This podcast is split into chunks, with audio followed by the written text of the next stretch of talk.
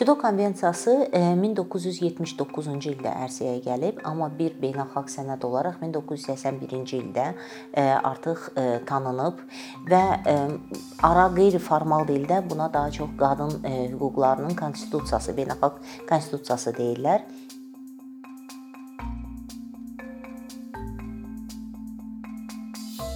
Sidon BMT-nin 10 əsas müqaviləsindən biridir, 10 əsas sənədindən biri və açılışda deməli qadınlara qarşı bütün növ ayrı seçkiliyin aradan qaldırılması ilə bağlı olan bir konvensiyadır.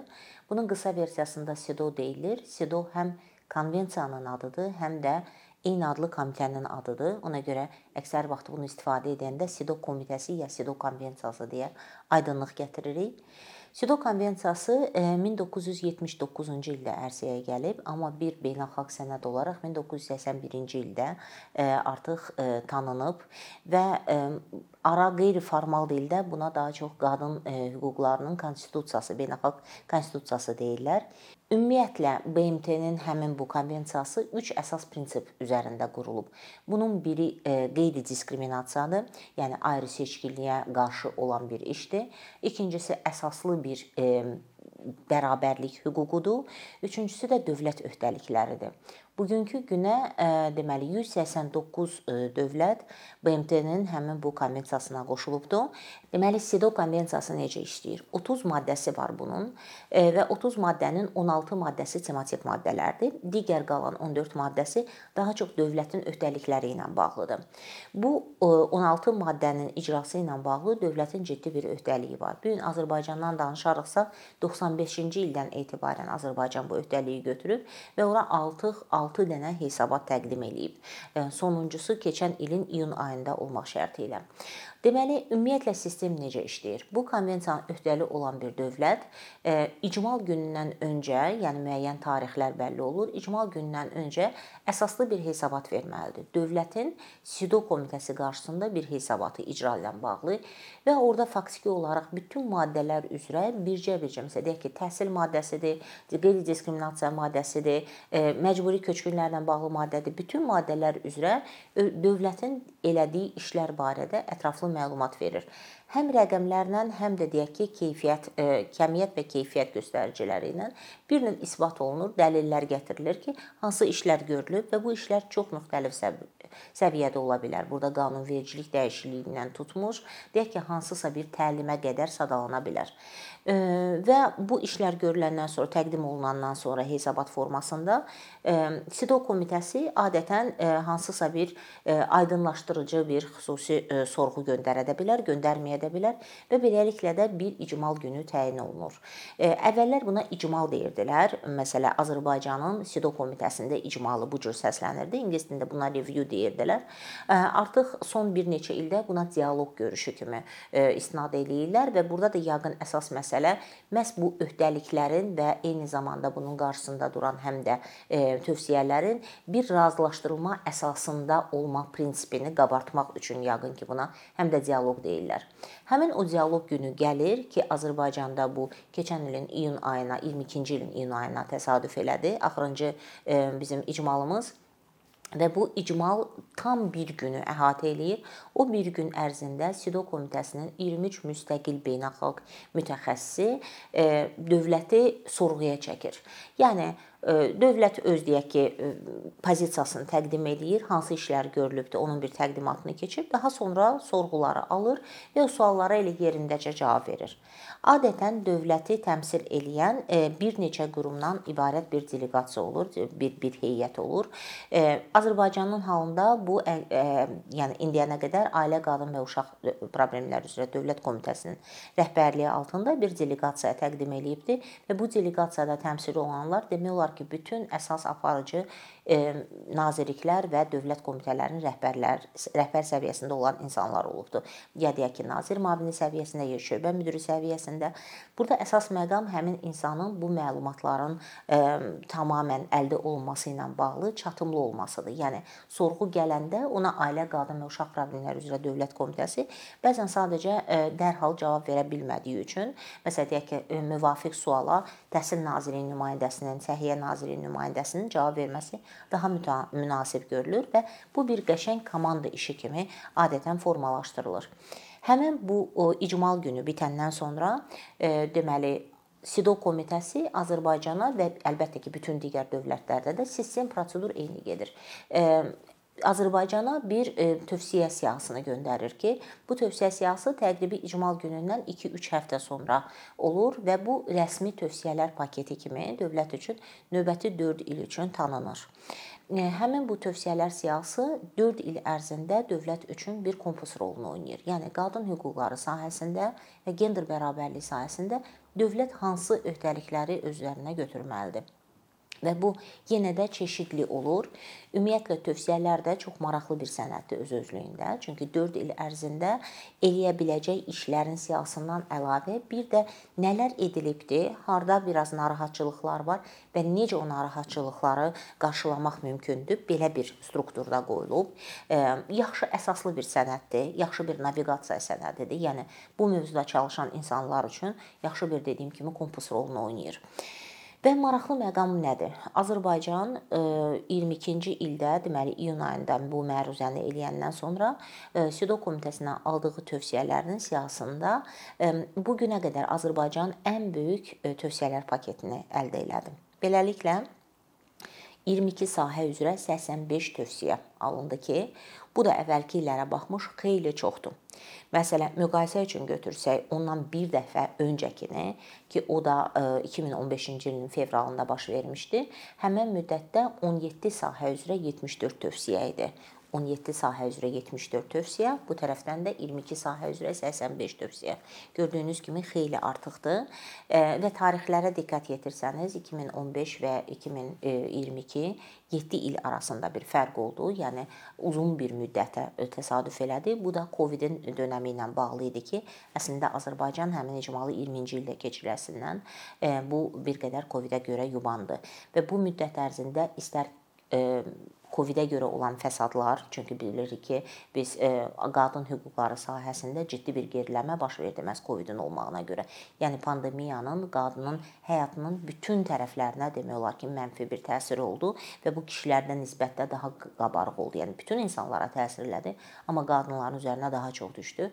Görünür tövsiyələrin artıq olması bir qədər də bununla bağlıdır. Bir də 20-ci ildə bizdə müharibə 44 günlük müharibə oldu ki, onun da fəsadları üstünə gələndə ona görə biz ciddi bir geriləmə gördük. Tövsiyələrin üstünlüyü nədən ibarətdir? Tövsiyələr kifayət qədər detallıdır və e, kifayət qədər əsaslıdır. Yəni sadəcə bunu etməlisən deyil, niyə etməlisən və təqribi gözləntinin konturları görsənir. E, bu tövsiyələr e, Azərbaycan hökuməti üçün də növbəti deməli 4 il ərzində, daha dəqiq desək 26-cı ilə qədər e, tamlıqla tamamlanmalıdır və növbəti raund üçün də biz buna sikl deyirik. 4 illik e, sikldan sonra hökumət e, növbəti bu gələcək olan 4 il üçün bir məruzə eləməlidir və hesabat verməlidir. Artıq bu 7-ci hesabat olacaq. Eyni e, zamanda demək istəyirəm ki, bu mexanizm kifayət qədər inklüziv mexanizmdir. Yəni burada təkcə dövlətlə SİDO arasında olan bir ünsiyyət deyil, eyni zamanda e, digər deyək ki, qeyri-dövlət e, tərəflər də burada iştirak edə bilər.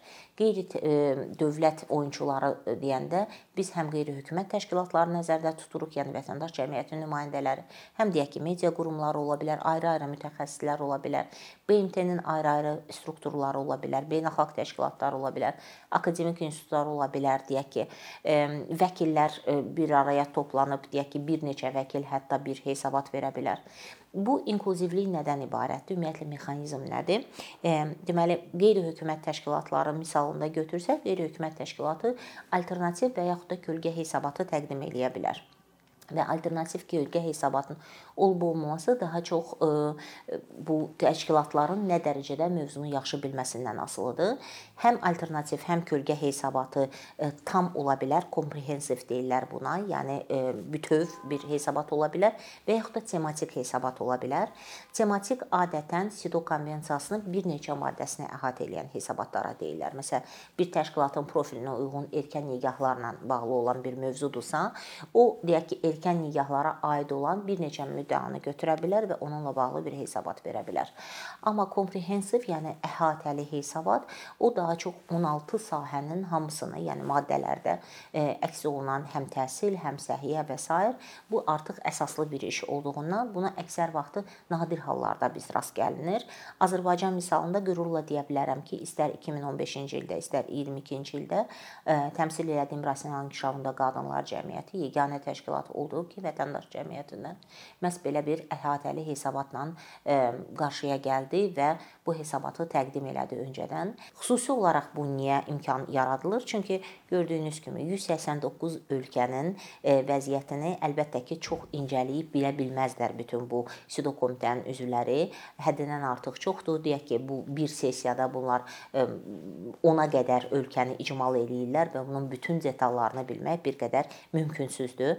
Üstəlik də əgər hər ölkədən bir yox, bir neçə hesabat gələrsə, qeyri-dövlət oyunçularından deyək ki, bunun detalları ilə tanış olmaq qısa bir müddətdə, yəni fiziki cəhətdən çətin olduğundan bu əlavə imkanlar, balaca konsentratları vermək imkanları xüsusi olaraq bunun üçün yaradılıbdır.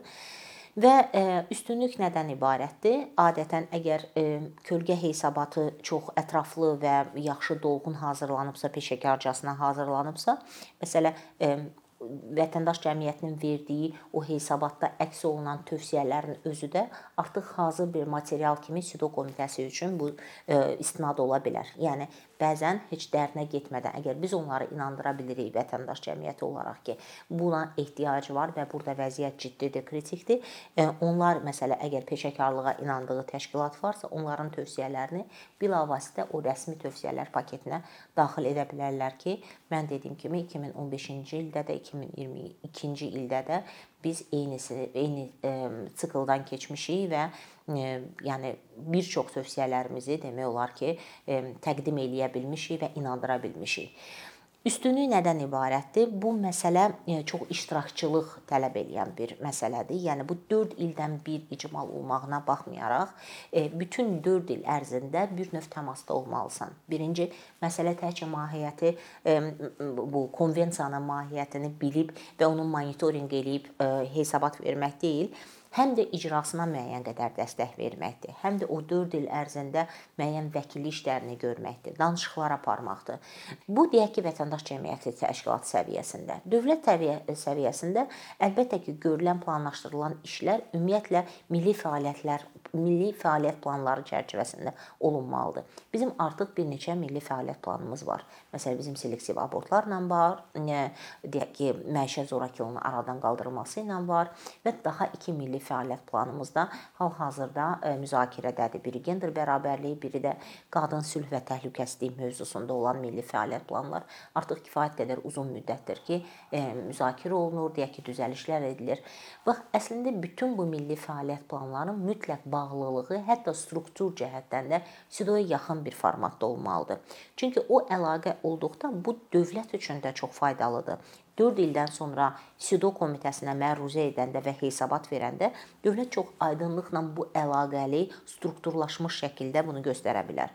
İkinci də həqiqətən həm milli səviyyədə, yəni biz beynəlxalq bir sənədin müddəalarını Azərbaycanda icra ilə bağlı necə hər anda eləyə bilərik? Bu biraz çətin ola bilər.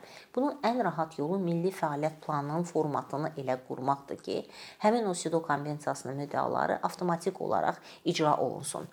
Bu qeyri-hökumət təşkilatları üçün də çox faydalıdır. Çünki onlar da o əlaqəni sıx görərək monitorinq aparanda ikili həm milli fəaliyyət planının monitorinqini görə bilirlər, həm SIDO-nun icrasını görə bilirlər. Və bəzi mövzular bax əksər vaxt məndən soruşurlar ki, bu təsiri nə dərəcədədir? Yəni bu mexanizm hə biz hesabat verdik, ola tövsiyə verdilər. Biz hesabat verdik, ola tövsiyə verdilər. Bax gəlin mən sizə ən birinci bizim deməli hesabatımıza istinad edeyim. Azərbaycan hökumətinin 95-ci ildə üzv olandan sonra ilk hesabatına. Orda 20-yə heç çatmırdı tövsiyələrin sayı komitə tərəfindən Azərbaycan hökumətinə. Bu nədən qaynaqlanırdı? Bu ondan qaynaqlanırdımı ki, problem yox idi. Yəni o vaxt 20 idi, bu gün 85-dir, vəziyyət bu qədər pisləşibdi. Qismən bəli. Amma qismən də SIDO sənədi özü detallaşır. Getdikcə detallaşır. Əvvəllər əgər sahələr üzrə deyilirdisə məsələlər, yəni ən ilk hesabatlara və tövsiyələrə siz baxsanız, görərsiniz ki, təkcə struktur formada tövsiyələr idi. Bu gün artıq çox detallı verilir. Məsələn, Təhsil Nazirliyinə xüsusi bir tövsiyələr verilir ki, mütləq məktəb dərsliklərinə baxış keçirilsin və gendera həssas mətn, dil və e, illüstrasiyalar olsun. Bu yeri gəlmişkən 2015-ci ildə də olubdu. 22-ci ildə də eyni tövsiyəni veriblər. Bəzi tövsiyələrin ümumiyyətlə xarakteri dəyişmir. Yəni bəzi tövsiyələr ildən ilə gedir. Bəzi sahələr var ki, bunu heç bir dövlət e, hələ tamlıqla icra eləməyib. Məsələn, məişət zorakılığı və yaxud da ailə e, ailədən qaynaqlanan ya ümumiyyətlə qadınlara qarşı zorakılıq məsələni bütöv götürsək, heç bir dövlət hələ buna tamlıqla nail olmayıb. Buna görə demək olar ki, biz bütün 6 hesabatda və ondan qarşılanan e, deməli tövsiyələrdə bu e, tövsiyəni hər zaman görmüşük ki, məişət zorakılığına qarşı bütövlükdə də qadınlara qarşı zorakılıq dəf olunmalıdır. Daha bir xüsusi e, maraq kəsb edən sahə institusionalaşmadır. Yəni biz bilirik ki, 2000-ci ildə SİDO komitəsinin tövsiyəsinə görə Azərbaycanın bütün demək olar ki, dövlət müəssisələrində, istər nazirlik olsun, istər komitə olsun, istərsə də daha deyək ki, aşağı səviyyəli e, dövlət komitələrində və müəssisələrində gendera məsul şəxslər deyə bir e, nomenklatur təyin olunubdu. Amma 2000-ci ildə təyin olunan e, gendera məsul şəxslər bu gün də tamlıqla hələ mövzuya hakim deyillər. Nədən? Çünki birinci bu əlavə bir işdir. İkinci e, bunların üçün yetərincə məlumat zamanında verilməyibdi. Təlimatlar yoxdur. Hətta qanunvericilikdə bir boşluq var ki, tamlıqla o gendera məsul şəxslərin deyək ki, iş e, təsvirini, e, funksiyalarını, öhdəliklərini və hüquqlarını təsvir edən bir e, normativ akt yoxdur. Bax beləliklə də biz istər-istəməz geriləmiş bir vəziyyətdə oluruq. Çünki eyni tövsiyə 2000-ci ildən etibarən bu günə qədər gəlir. Halbuki onu yaradanda bir neçə məqamı dərhal qoyulsaydı, bünövrəsi qoyulsaydı, biz 22-ci ildə eyni məsələyə təzədən diqqət çəkməzdik və təzədən o tövsiyə kimi rəsmi olaraq dövlətin qarşısında bir öhdəlik kimi qoyulmazdı. Ona görə 85 tövsiyə çoxdur, olduqca çoxdur, amma bunların bəziləri 10 illiklər tələb edən məsələlərdir. Məsələn, qadınlara qarşı zorakılığın tamamilə ləğv edilməsi. Dediyim kimi, heç bir dövlət hələ buna nail olmayıb. Amma bəzi praktiki məsələlər var ki, bunları eləməklə biz istər-istəməz məsələləri xeyli yüngülləşdirə bilərik. Məsələn, İstanbul konvensiyasının qoşulması. Məsələn, İstanbul konvensiyasına qoşulduq, qoşulmadıq. Bəzi data ilə, data yığımı ilə bağlı statistik to məsələlərin toplanması, e, deyək ki, sığınacaqların olması, qaynar xəttlərin, işlək qaynar xəttlərin olması, yəni qaynar xətt sanki var, amma 24/7 işləmir. Yəni qaynar xətt əgər saat 6-yacan işləyirsə, biz bilirik ki, ailədə söz söhbət olanda axşam saatlarında olur. O zaman ə, e, qurban və ya potensial qurban hara zəng vurmalıdır? Yəni bu kimi məsələlər istər-istəməz lazımsız bir diqqəti çəkir və hesab eləyirəm ki, əgər doğru bir e, yanaşma olsa və e, bir strateji yanaşma olsa, fəaliyyət planı doğru qoyulsa bununla bağlı qısa müddətdə biz 85 e, tövsiyəni yaralaya bilərik. Tam tam yarıya gətirə bilərik. Thank